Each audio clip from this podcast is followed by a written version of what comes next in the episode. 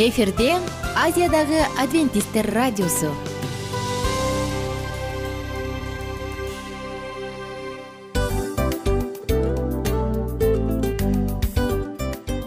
Достор салют. Баардык сүйүктүү угармандарыбызга салам айтабыз. Кутман күнүңүздөр менен. Ден соолук өмүрдүн булагы демекчи саламат саамы программасында баарыңыздарды көргөнүбүзгө абдан кубанычтабыз. Анда алгач амандашып өтөлү арбаңыздар деп. Ден соолугуңуздар кандай элибизде көбүнчө ден соолук кандай дегенде эле жакшы деп жооп беребиз э? ооруп турсак дагы жакшы дейбиз. Анан мен муну айтып ойлойт элем бул абдан сонун сөз депчи анткени бул жакшы деген үмүт да э ооба баары жакшы болот. Баары сонун. Деп үмүттөнүп атып эле өзүбүздү өзүбүз дарылап коебуз. Анысы кандай сиздин дагы ден соолугуңуз жакшы беш деген үмүттөбүз чындыгында ден соолук бул өмүрдүн булагы деп бекеринен айтылган эмес деп ойлойм. Кыргыз элинде анткени эгерде ден соолук жок болсо анда адамдын жашоосунда калган баардык керектүү маңыздуу нерселер өзүнүн баалуулугун жоготуп коет. Ошондуктан ден соолук бул эң керектүү нерсе. Ооба туура айтасың кесиптешим. Чынында ден соолугуң жок бир эки үч күн ооруп калсаң эле э кандай болуп калат? Жашоодо көз каранды болуп каласың көп нерсеге жетишпей каласың көп нерсени кыла албай каласың жада калса эшикке дүкөнгө да чыга албай каласың. Туптуура анан ден соолук болсо демек биз биздин бактыбыз тотой деп койсок болот. Анда достор саламат саамы рубрикабызды баштайлы. Алдыда өзүңүзгө керектүү болгон сонун кеңештерди уга аласыздар. Мына ошондуктан биз менен бирге болуңуздар. Ал эми биз болсо милан жана айнура. Кеттик алга. Алга саламат саама ден соолуктун жарчысы. Саламат саама ден соолуктун ачкычы. Күн сайын сиз үчүн мыкты кеңештер сонун жаңылыктар кызыктуу фактылар биздин рубрикада.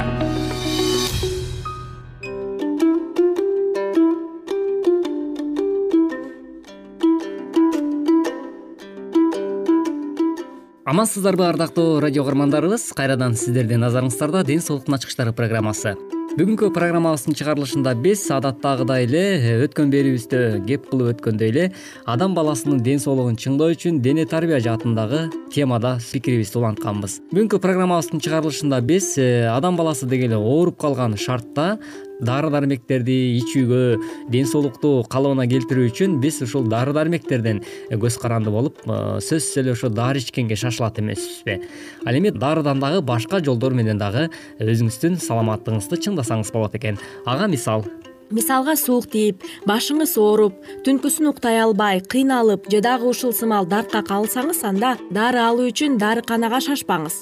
Химиялык терс таасир алып келбеген дарылануунун түрүн колдонуу мүмкүнчүлүгүнө ээ боло аласыз. Сизге бул чыгарылышта сунуш кылган э, маалымат э, сизге пайдалуу болот деп ишенебиз. Бирок сиз колдоно турган дарылануунун аракеттери канчалык жөнөкөй болоору менен аларды доктурдун көзөмөлү алдында кабыл алуу зарыл башында дени сак адамдын денесинин иштешине көңүл буралы. Дени сак адамдын баардык дене мүчөлөрү өз ара бири бири менен байланышта болуп жашоону э, жайына сактап турат. Аба же тулку бойдун өтө муздашы дененин кыймылдоосун төмөндөтөт жана терс таасирин тийгизет.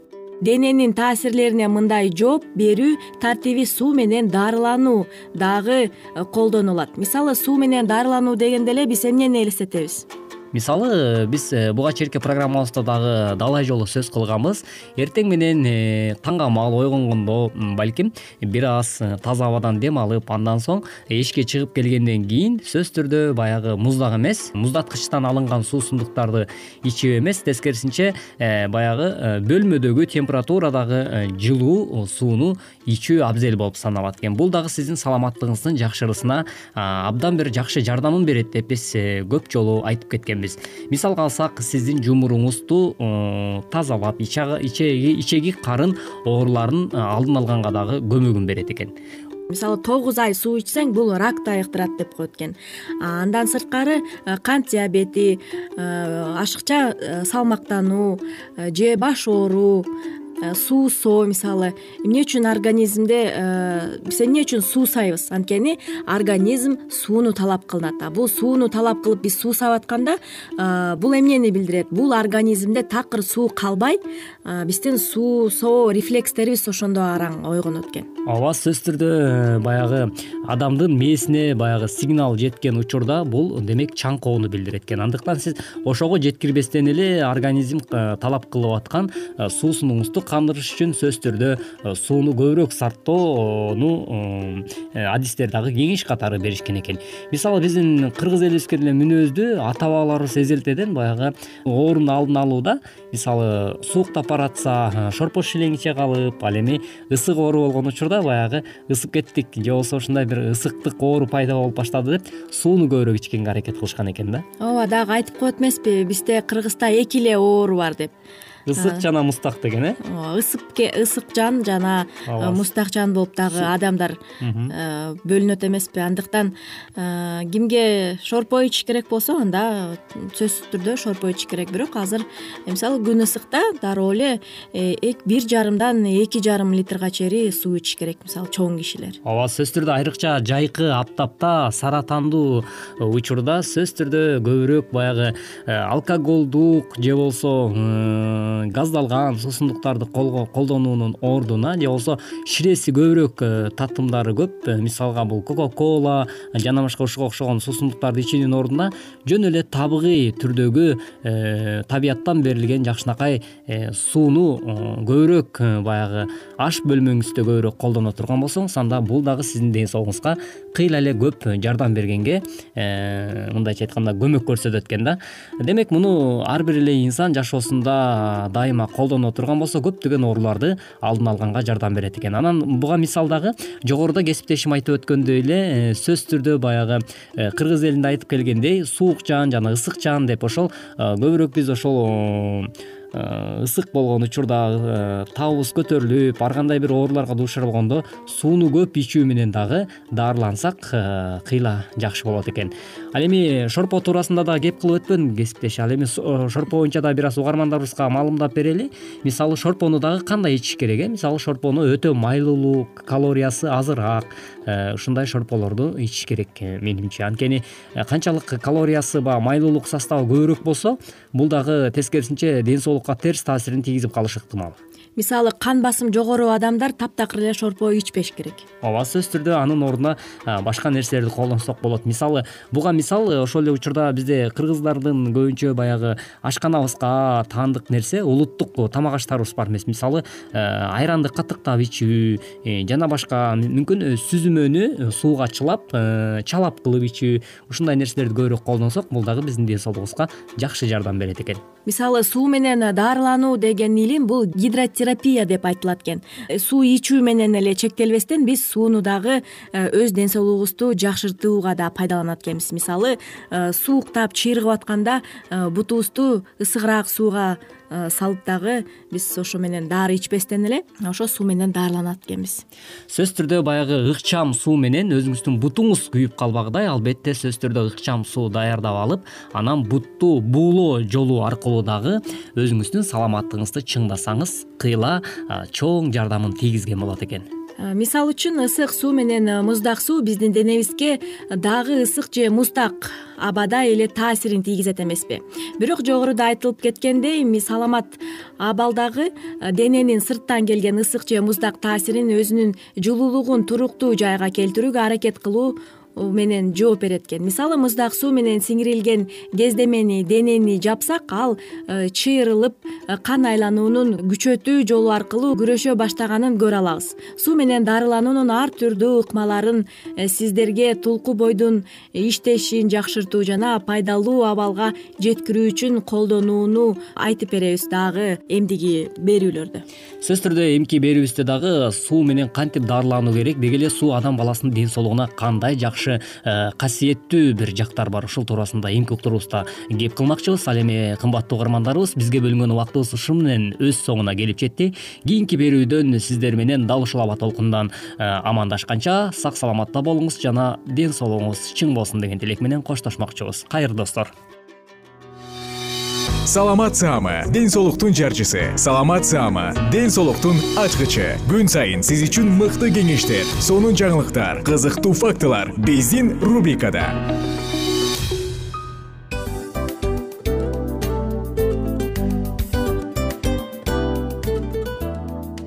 Салют замандаштар баарыңыздарга ысык салам дил маек программабызга кош келиңиздер. Дил маек рубрикасы дегенде эле бул эмне болгон дил маек ким менен маектешебиз деп сурайт болуш керек угармандарыбыз бул рубриканы кыскача тааныштыра кете турган болсок ар тарап кесип ээлеринен болгон сонун интервью кеңештер бар ооба. жылдыздар менен болгон маек бар аталарыбыздын агаларыбыздын чоң аталарыбыздан сонун кеңештер бар ошондой эле эже сиңдилердин кеңештери бар айтор. Баардык кызыктардын баары алдыда. Негизи эле адам баласы бир кимдир бирөөнө ишенип сырын ачкысы келет эмеспи э? Мындай баарлашууга жакын келебиз го? Албетте. Негизи бир жерге отуруп алып кенен шашпай баягы жүрөктөн жүрөккө ачып сырларыбызды ар кандай көйгөйлөрүбүз менен бөлүшүп баягы чын жүрөктөн маек курганды кимибиз сүйбөйбүз э? Ооба десең ал нерсеге суусап да келебиз да. Ооба кээ бирде адамга чындыгында баягы э, ысык маек баягы жылуу маек жетишпейт да. Ошондуктан биз ушул рубриканы ойлоп тапканыбызда эң биринчи эле достор сиздер менен чын жүрөктөн бир маңыздуу темаларды козгоп кеткени э, кааладык. Ошондуктан ушундай сонун бир рубриканы тартуулап жатабыз. Анын үстүнө радио дагы сонун дос да анткени э, мындай учурда досуңа айтсаң досуң досуна айтат досу досуна айтат да анан бүт өлкө билип калышы мүмкүн го. А радио болсо сени сатпаган сенин айыбыңды ачпаган. Сенин сырыңды эч кимге айтпаган сонун дос мына ошондуктан биздин алдыдагы айта турган кеңештерибизди биздин досторубуздун кеңештерин угуп анан ал жака пикириңизди дагы калтырып кайрадан биз менен байланышсаңыздар болот. Деги эле жашооңузга эгерде кичине болсо дагы өзгөрүү алып моралдык жактан нравовалык жактан сонун бир кеңештерди алсаңыз демек биз максатыбызга жеттик. Ооба. Чыңгыз атабыз улуу жазуучу э, чыңгыз айтматов айткандай адам болуу бул күнүмдүк процесс экен. Күн сайын адам бойдон калуу бул адамзатка эң эле кыйын дейт э? э эң кыйын дейт. Чындыгында бунун э, негизинде адамдын эң баягы сапаттуулугу адамдын э, адамгерчилиги жана көптөгөн керектүү нерселер. Мына ошол темалар дагы бизде ушул дил маекте биз аларды да козгойбуз. Ден соолук жөнүндө да сүйлөшөбүз. Сөзсүз түрдө. Анан милан мырза негизи айтып коюшат го биз көбүнчө эмнени ойлонсок ошол нерсеге карата иш кылабыз го. Ооба. Анан анысы кандай? Балким бул радио баракчада кимдир бирөөнүн оюн текшергенге жардам берет кимдир бирөөнүн жүрөгүн текшергенге жардам берет. Балким кимдир бирөөгө жашоонун маңызын тапканга жардам берер. Айтор кызыктын баары алдыда бул жөн гана кыскача жарнама анда угармандарыбыздын баардыгын кийинки рубрикабызга чакырабыз. Ал эми кызматта маңдайымда отурган кесиптешим милан жана мен айнура. Анда эмесе биз даярдаган терең терең ойлор менен таанышууга кеттик. Алыс алыс баралык анда эмесе достор биз менен бирге болуңуздар алдыда эң кызыктуу маалыматтардын баардыгы бир нече мүнөттөр бою жалгыз гана сизге арналат мына ошондуктан жакшы маанай менен угууну каалайбыз. Үн алышканча. Жөнөдүк.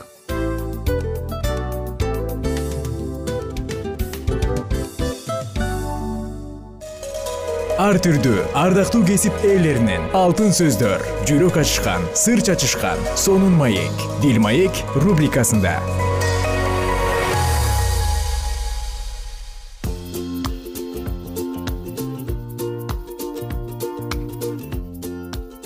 салют достор. Бүгүн сиздер менен таарынчаактык жакшыбы же жаманбы деген теманын үстүнөн сөз кылабыз.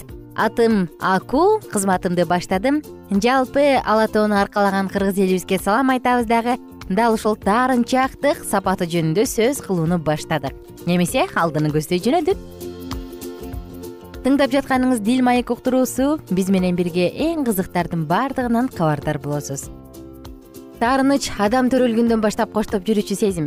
Туурабы ичтеги агрессия. Кичинекей баланы эле алсак мисалы эмчек сураганда бербей койсоң ыйлап тим эле кадимкидей таарынып кечке коркутат демек каалоо бирок ал аткарылбаган учурда сөзсүз таарыныч жаралат.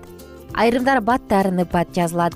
Кээ бирөөлөр таарынычын өмүр бою ичке катып анан өтүп кетишет. Сиз таарынчааксызбы деги эле сиз таарынычка карата кандай мамиле кыласыз анын кандай жакшы жана жаман жактары бар? Жеке оюңузду жазып коюңуз.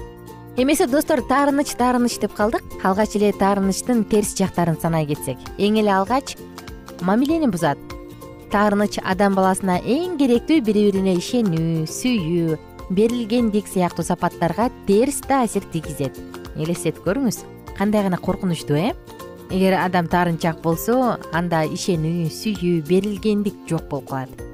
Экинчиси адамдын өсүүсүнө жолтоо болот адам эски нерседен кутулмайынча жаңы нерсеге орун жок сыяктуу эле таарынычтан кутулбасаңыз сизге рухий жактан өсүүгө өзүңүздү таанып билүүгө жана өзүңүздү ар тараптан ачууга мүмкүнчүлүгүңүз чектелүү болуп жүрө берет. Мына ошондуктан таарынычтын кереги жок. Болбосо адамда өсүү жок. Таарынткан адамга караганда таарынган адам көбүрөөк зыян тартат эгер сиз таарынуу менен экинчи адамды жазалап жатам деп ойлосоңуз анда жаңылышасыз. Таарынып жазылбай жүрө берүүнү өзүңүздүн денеңизди уруп башка бирөөнүн денесинин оорушун күтүп жүрүү менен салыштырууга болот. Балким ал адам сиздин таарынганыңызды билбей жыргап куунап жашоодон ырахат алып эч нерсени сезбей эле жашап жаткандыр. Анда элестетиңиз таарынып анын кереги барбы? Деги эле таарыныч сиздин денеңизди уурган сыяктуу болуп атса анда башка бирөөнүн денеси качан ооруйт деп күтүүнүн кереги барбы? Жана достор таарынычтын кийинки дагы зыяндуу жагы. Таарынычты ичте узакка сактоо көптөгөн ооруларды чакырат. Элестетиңиз сиз өтө оор эмес ташты көтөрүп колуңузду алдыга карай созуп турасыз. Ташты аз убакытка көтөрүп туруу сиз үчүн жеңил эле. Ал эми көпкө көтөрүп турсаңыз колуңуз таалыйт албетте таштын салмагы өзгөрбөйт бирок оорлоп баратканын сезесиз. Таарыныч дагы дал ошол таш сымал анткени канчалык ичибизге сактасак ошончолук зыян алып келет. Таарынган кезде адам стресс болуп мындан улам организм дагы ар кандай өзгөрүүлөргө тушугат кандай өзгөрүүлөргө тушугат десеңиз санай кетели калкан сымал бездин өттүн иштешин начарлайт жүрөк ооруйт.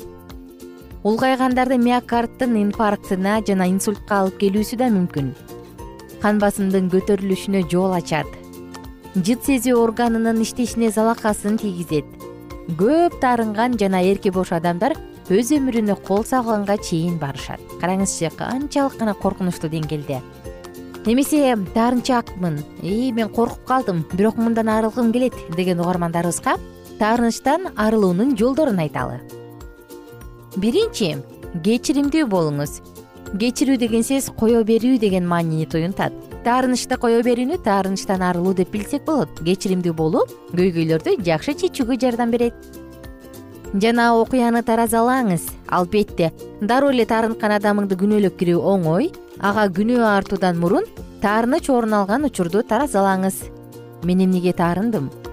Менин таарынганымды ал сездиби? Деген сыяктуу суроолорду өзүңүзгө берип жооп табыңыз таарынткан адамдын ордуна өзүңүздү коюп көрүңүз. Сиз мындай учурда эмне кылмаксыз? Балким жөнү жок таарынып жаткан чыгарсыз. Балким кечирип коюуга мүмкүн болгон жагдайсызdır ким билет? Мына ошондуктан таарынычтан арылгыңыз келсе окуяны таразалаңыз. Таарынычтан арылгыңыз келсе өзүңүздү анализдеңиз адамдардын мүнөзү ар башкача. Айрымдар ачууланууга каарданууга жакын болот. Сиз өзүңүздү кандай сыпаттайсыз? Ачуум чукул эмеспи таарынчаак эмесминби? Кумурсканы пил кылып жибербей адатым жокпу? Деп өзүңүзгө суроо салып көрүңүз. Эгер сиз мындай мүнөзгө ээ болсоңуз көтөрүмдүү болгонго аракет кылыңыз. Жана достор таарынчаактыктан арылыш үчүн ачык сүйлөшүүгө чакырыңыз. Таарынткан адам жакын адамыңыз болсо чакырып жекече сүйлөшүүгө аракет кылыңыз. Анткени экинчи тараптын реакция кылбаганы таарынууну ого бетер күчөтөт сүйлөшүүдө болгон эмоцияңызды чыгарыңыз. Аны менен катар анын анын дагы оюн жообун куунт коюп угуңуз тил табышууга бири бириңерден кечирим суроого аракет кылыңыздар. Жана убакытты пайдаланыңыз. Эгер таарынткан адам менен сүйлөшүүнү туура көрсөңүз ага айта турган сөзүңүздү ичиңизден айтып ачууңуз тараганча күтө туруңуз. Бир нерсеге капа болгондо көңүлдү жайгарууга аракет кылуу туура ошондо көйгөй анчалык деле олуттуу эмес экенин түшүнүп сылыгыраак сүйлөп каласыз таарынычтан арылыш үчүн баракка жазыңыз. Бул кийинки кеңеш. Эгер сизди таарынткан адам менен бетме бет сүйлөшө албасаңыз катка болгон таарынычыңызды жазып ага берүүгө аракет кылыңыз. Бере албасаңыз аны сактабай өрттөп салганыңыз туура. Бул ыкма деле жан дүйнөңүзгө жеңилдик берет. Ыйлаңыз. Ооба көз жашыңызды аябай ыйлап алыңыз. Сырдашыңыз жакын адамыңызга кимге эмнеге таарынганыңызды айтыңыз. Бул да жеңилдик берет жана таарынбай коюу өз эркиңизде. Айрымдар таарынта турган иш кылып жатса анан кантип таарынбай коем? Деши мүмкүн. Эгер зыян тартпайын десеңиз бул мени таарынта турган иш эмес болбогон нерсе. Деп өзүңүздү өзүңүз тарбиялаңыз өз жан дүйнөңүздү тазалоого аракеттениңиз. Достор мынакей сиздер менен таарынычтын жакшы жана жаман жактарын карап өттүк. Көрсө жакшы жаган жакшы жагы таптакыр жок экен жалаң гана жаман негативдүү жактары анда таарынуунун кереги барбы? Келиңиздер салмактап көрөлү дагы. Биздин ден соолугубузду жабыркаткан ден соолугубузга зыянын тийгизген бул сапаттан арылалы бирге алдыга көздөй ишенимдүү кадамдар таштайлы. Жалпыңыздарды кийинки уктуруубузда күтүп алабыз. Күнүңүздөр көңүлдүү улансын. Бар болуңуздар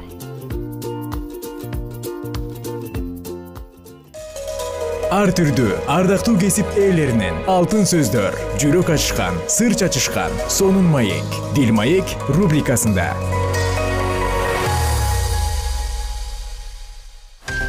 Жан дүйнөңдү байыткан жүрөгүңдү азыктанткан жашооңо маңыз тартуулаган жан азык рубрикасы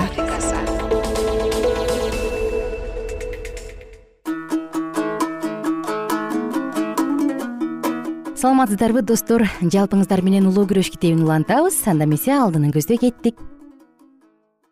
Бенгилдин жазган чыгармалары түгөл христиан дүйнөсүнө таратылган. Анын пайгамбарлыктарга болгон көз караштары вюртенберг жеринде жана германиянын башка дагы аймактарында бир добуштан кабыл алынган.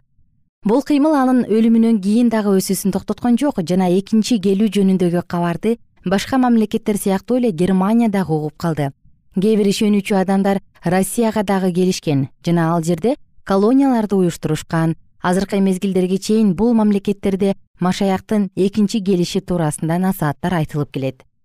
Жарык францияда жана швейцарияда дагы жаркырап жанды форель жана кальвин реформация оюн тараткан женевада гауссен машаяктын келишин насааттап жүрдү. Гауссен ошол кездерде түгөл европада он сегизинчи кылымдын аягында жана он тогузунчу кылымдын башында өкүм сүргөн рационализм менен күрөшкөн. Жана диний даража алган болсо дагы ал чындык жөнүндө билбегени аз келгенсип скептикалык көз карашга дагы ээ болгон. Жаш кезинде ал пайгамбарлыктарга абдан кызыккан.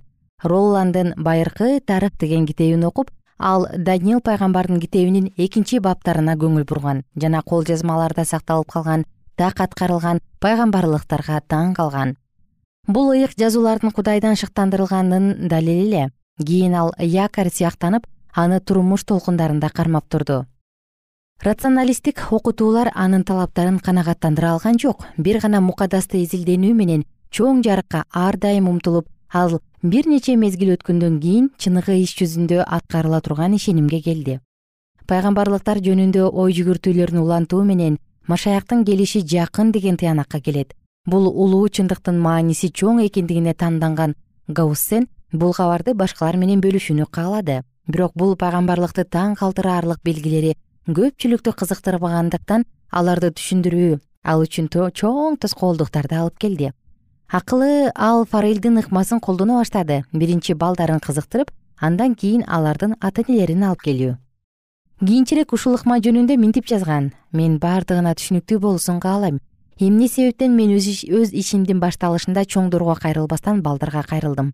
Мен муну мен тараткан чындыктын кабарынын мааниси жоктугунан эмес.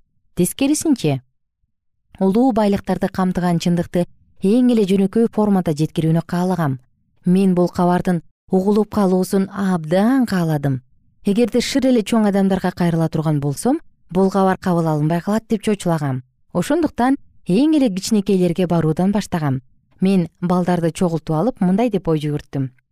Эгерде мага келгендердин саны өсүп жаткан болсо эгерде аларга кызыктуу экендиги көрүнүп турса алар түшүнүшсө жана уккандары жөнүндө талкуу жүргүзүшсө анда мен экинчи ушул сыяктуу адамдарды топтоого үмүтүм бар жана чоң адамдар дагы өз кезегинде ушул сабак жөнүндө угуп жана талкуулоого болот деп айтышат. Качан ушундай учур боло турган болсо анда иш алдыга жылып бара жатат. Гауссендин күткөн нерселери аткарылды. Кичинекейлерге кайрылуу менен ал өзүнө чоңдорду дагы тартты. Анын жыйыны кунт коюп уккан адамдарга толду. Алардын арасында көпчүлүк учурларда көрүнүктүү окумуштуу адамдар жат жердик адамдар женевага келгендер болгон жана экинчи келүү жөнүндөгү кабар жана башка аймактарга дагы таралып кетти.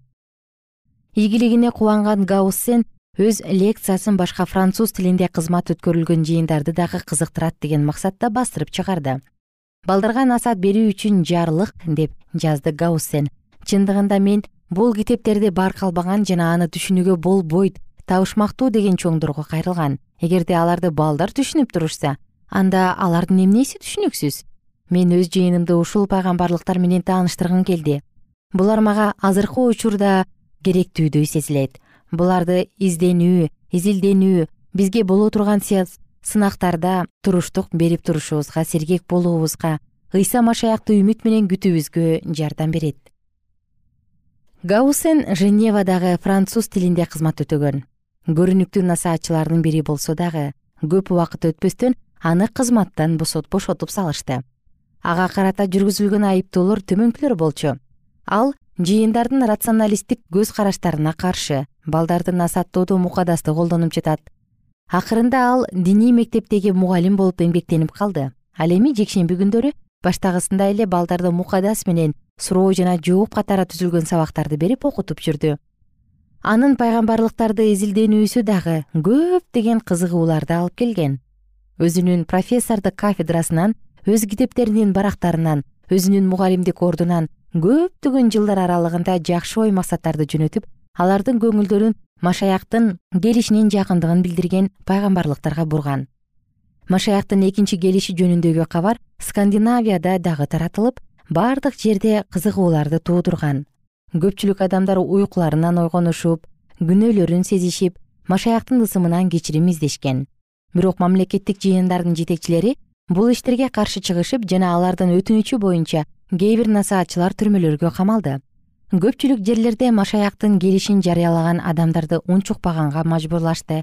Бирок бул жөнүндө кичинекей балдар аркылуу жарыя кылуу теңирдин эрки эле балдар эрезеге жете элек болгондуктан мамлекеттин мыйзамдары аларды мажбурлай алган жок. Ошондуктан алар эч тоскоолдуксуз чындык жөнүндө кабарлап жүрүштү мындай ыкмада айтылган насааттар көбүнчө жумушчу жөнөкөй адамдардын ортосунда көбүрөөк таратылды. Анткени алардын жупуну турак жайларында эскертүүчү кабарды угуу үчүн көп адамдар чогулушкан. Насаатчы балдар көпчүлүгү алты жети жаштан ашпаган кедей кембагалдардын үй бүлөсүнөн болушкан. Алардын жашаган жашоолору алардын теңирди сүйөрүн жана анын ыйык талаптарынын артынан ээрчигенинге даяр экендигин билдирген. Булар жөнөкөй гана балдар болгондуктан алардын ойлонгондору дагы өз жаштарына шайкеш келип турган. Бирок алар качан элдин алдына чыгышып насаат айтышканда аларды жогоркунун күчү колдоп тургандыгы билинген. Ардактуу достор ушул жерден сиздер менен токтотобуз. Кийинки уктурууда окуянын уландысын биз менен бирге тыңдаңыз. Жалпыңыздарга амандашканча сак саламатта туруңуздар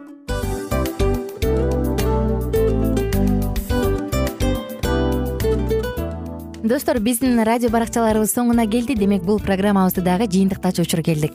Учурга келдик. Анан кесиптешимден сурагым келип турат. Негизи эле иштин башталып атканы кубандырабы сени же жыйынтыгы кубандырабы албетте жыйынтыгы. Себеп дегенде сен кылган ишиңдин жыйынтыгын көрүп э, баягы мөмөсүн көрүп дегендей жыргайсың жүрөгүң жемишинен тартып э? Кандай даамдуу деп. Баягы буудай сепкенде эмес буудай эгинди жыйнагандан кийин ысык нанды жегенде кадимкидей ырахаттанасың го? Ой айтпа туура айта кеттиңиз. Сонун салыштыруу болду анан мен дагы абдан кубанып турам анткени биз угармандарыбыз үчүн аябай эмгектенип келген уктуруубуздун соңуна келип калдык. Анан эми э, уктуруубуздун соңунда угармандар кандай пайда алып калды экен деп күтүп турам да. Балким э, менин жашоомо өзгөрүү киргизе турган сонун сөздөр болду. Мен ушул нерсени изилдеп анан кабыл албасам ушул нерсени кылбасам деген чечим чыгарсаңыз анда биз абдан кубанычтабыз. Сөзсүз түрдө андыктан кийинки биздин кызыктуу уктурууларыбыздан көрүшкөнчө сак саламатта калыңыздар. Чыдамсыздык менен сиздерди мен милан жана кесиптешим айнура күтөбүз. Баардык угармандарыбызга ийгиликтүү күн каалайбыз. Качан гана болбосун уртуңуздан жылмаюу кетпесин үйүңүздө көмүр жүрөгүңүздө көңүл болсун дейли